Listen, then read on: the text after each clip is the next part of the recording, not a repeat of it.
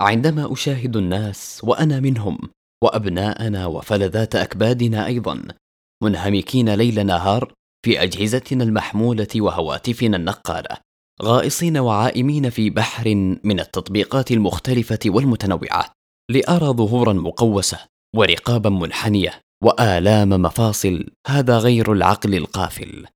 بأن هناك جيل قادم ستكون أشكالهم كالملاعق. وقد تخيلت هذا الشكل وضحكت بعدها لهول صدق المعلومة فقلما رأيت صغيرا أو كبيرا بلا رقبة مائلة فأصبح لانهماكنا بأجهزة اللمس والانشغال بها أثر صعب على أجسامنا وواقع أليم على أجسادنا. وتخيلت حينها الجيل القادم والذي سيشبه الملاعق فالملعقة طويلة ومنحنية من الأعلى فالهواتف الذكية أثناء قراءة الرسائل الإلكترونية وكتابتها والتي تشمل إمالة العنق للأمام والأسفل قد تؤدي إلى مضاعفات صحية خطيرة تصل لتآكل فقرات العنق والحاجة للجراحة وأمراض القلب. ويبلغ وزن رأس الإنسان قرابة خمسة كيلوغرامات ونصف الكيلوغرام. وعندما يحني المرء عنقه إلى الأمام أو الأسفل أثناء استعماله الهاتف الذكي في الدردشة والقراءة وغيرها فإن الوزن على الفقرات العنقية يزداد.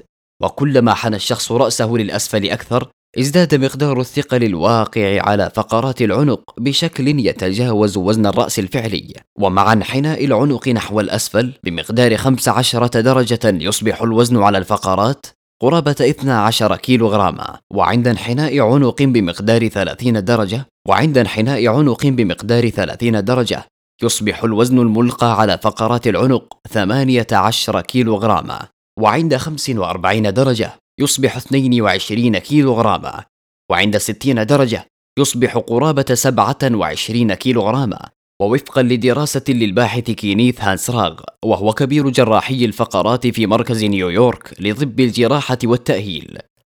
نشرت في المكتبة الوطنية للطب في الولايات المتحدة الأمريكية. فإن هذه الوضعية للعنق والتي تسمى أحيانا text neck يمكن أن تقود إلى تآكل في الفقرات مما يؤدي إلى مضاعفات قد تصل للجراحة ويؤكد هانسراغ أن الأمر قد تحول إلى وباء. فإذا نظرت حولك فستجد الناس جميعا حانين أعناقهم للأسفل ويستخدمون هواتفهم الذكية وذلك لمدة تتراوح بين ساعتين وأربع ساعات يوميا. يقرؤون خلالها البريد الإلكتروني ويرسلون الرسائل عبر الهواتف الذكية. وهذا يعني أن الناس يضعون على أعناقهم هذا الوزن الذي يصل حتى 27 كيلو غراما لمدة تصل حتى 140 ساعة في السنة. أما اليافعون والشباب فقد تصل لديهم هذه الفترة حتى خمسة آلاف ساعة وتؤدي عملية الانحناء المتواصل هذه إلى شد في العضلات وضغط على الأعصاب كما قد تؤدي إلى تغيير انحناء العنق الطبيعي. كما يقول الخبراء إن وضعية العنق الخاطئة هذه قد تقود إلى مضاعفات خطيرة مثل تقليل سعة الرئتين والصداع والاكتئاب وأمراض القلب. ولمحاربة هذه المشكلة ينصح هانسراغ مستخدمي الهواتف بالنظر إلى هواتفهم عن طريق تحريك أعينهم للأسفل لا ثني أعناقهم، وبأن يمرنوا العنق مثل تحريك الرأس من اليمين لليسار عدة مرات. لذلك لا تسمح للهاتف الذكي وأجهزة اللمس أن يحني عنقك. وكن ذكيا أيضا وحافظ على صحتك بينما تستمتع بالدردشة مع الأصدقاء. فنحن نعلم أهمية هذه الأجهزة في حياتنا العصرية وفوائدها الكثيرة وضرورتها في حياتنا العملية والاجتماعية. وأصبح لا يمكن الاستغناء عنها رغم ما يقال عنها بأن لها اضرارا كبيرة على صحة الإنسان وعلى معظم أعضاء جسمه. ويصفها البعض بأنها مفاعل نووي صغير ويصفها البعض بأنها مفاعل نووي صغير.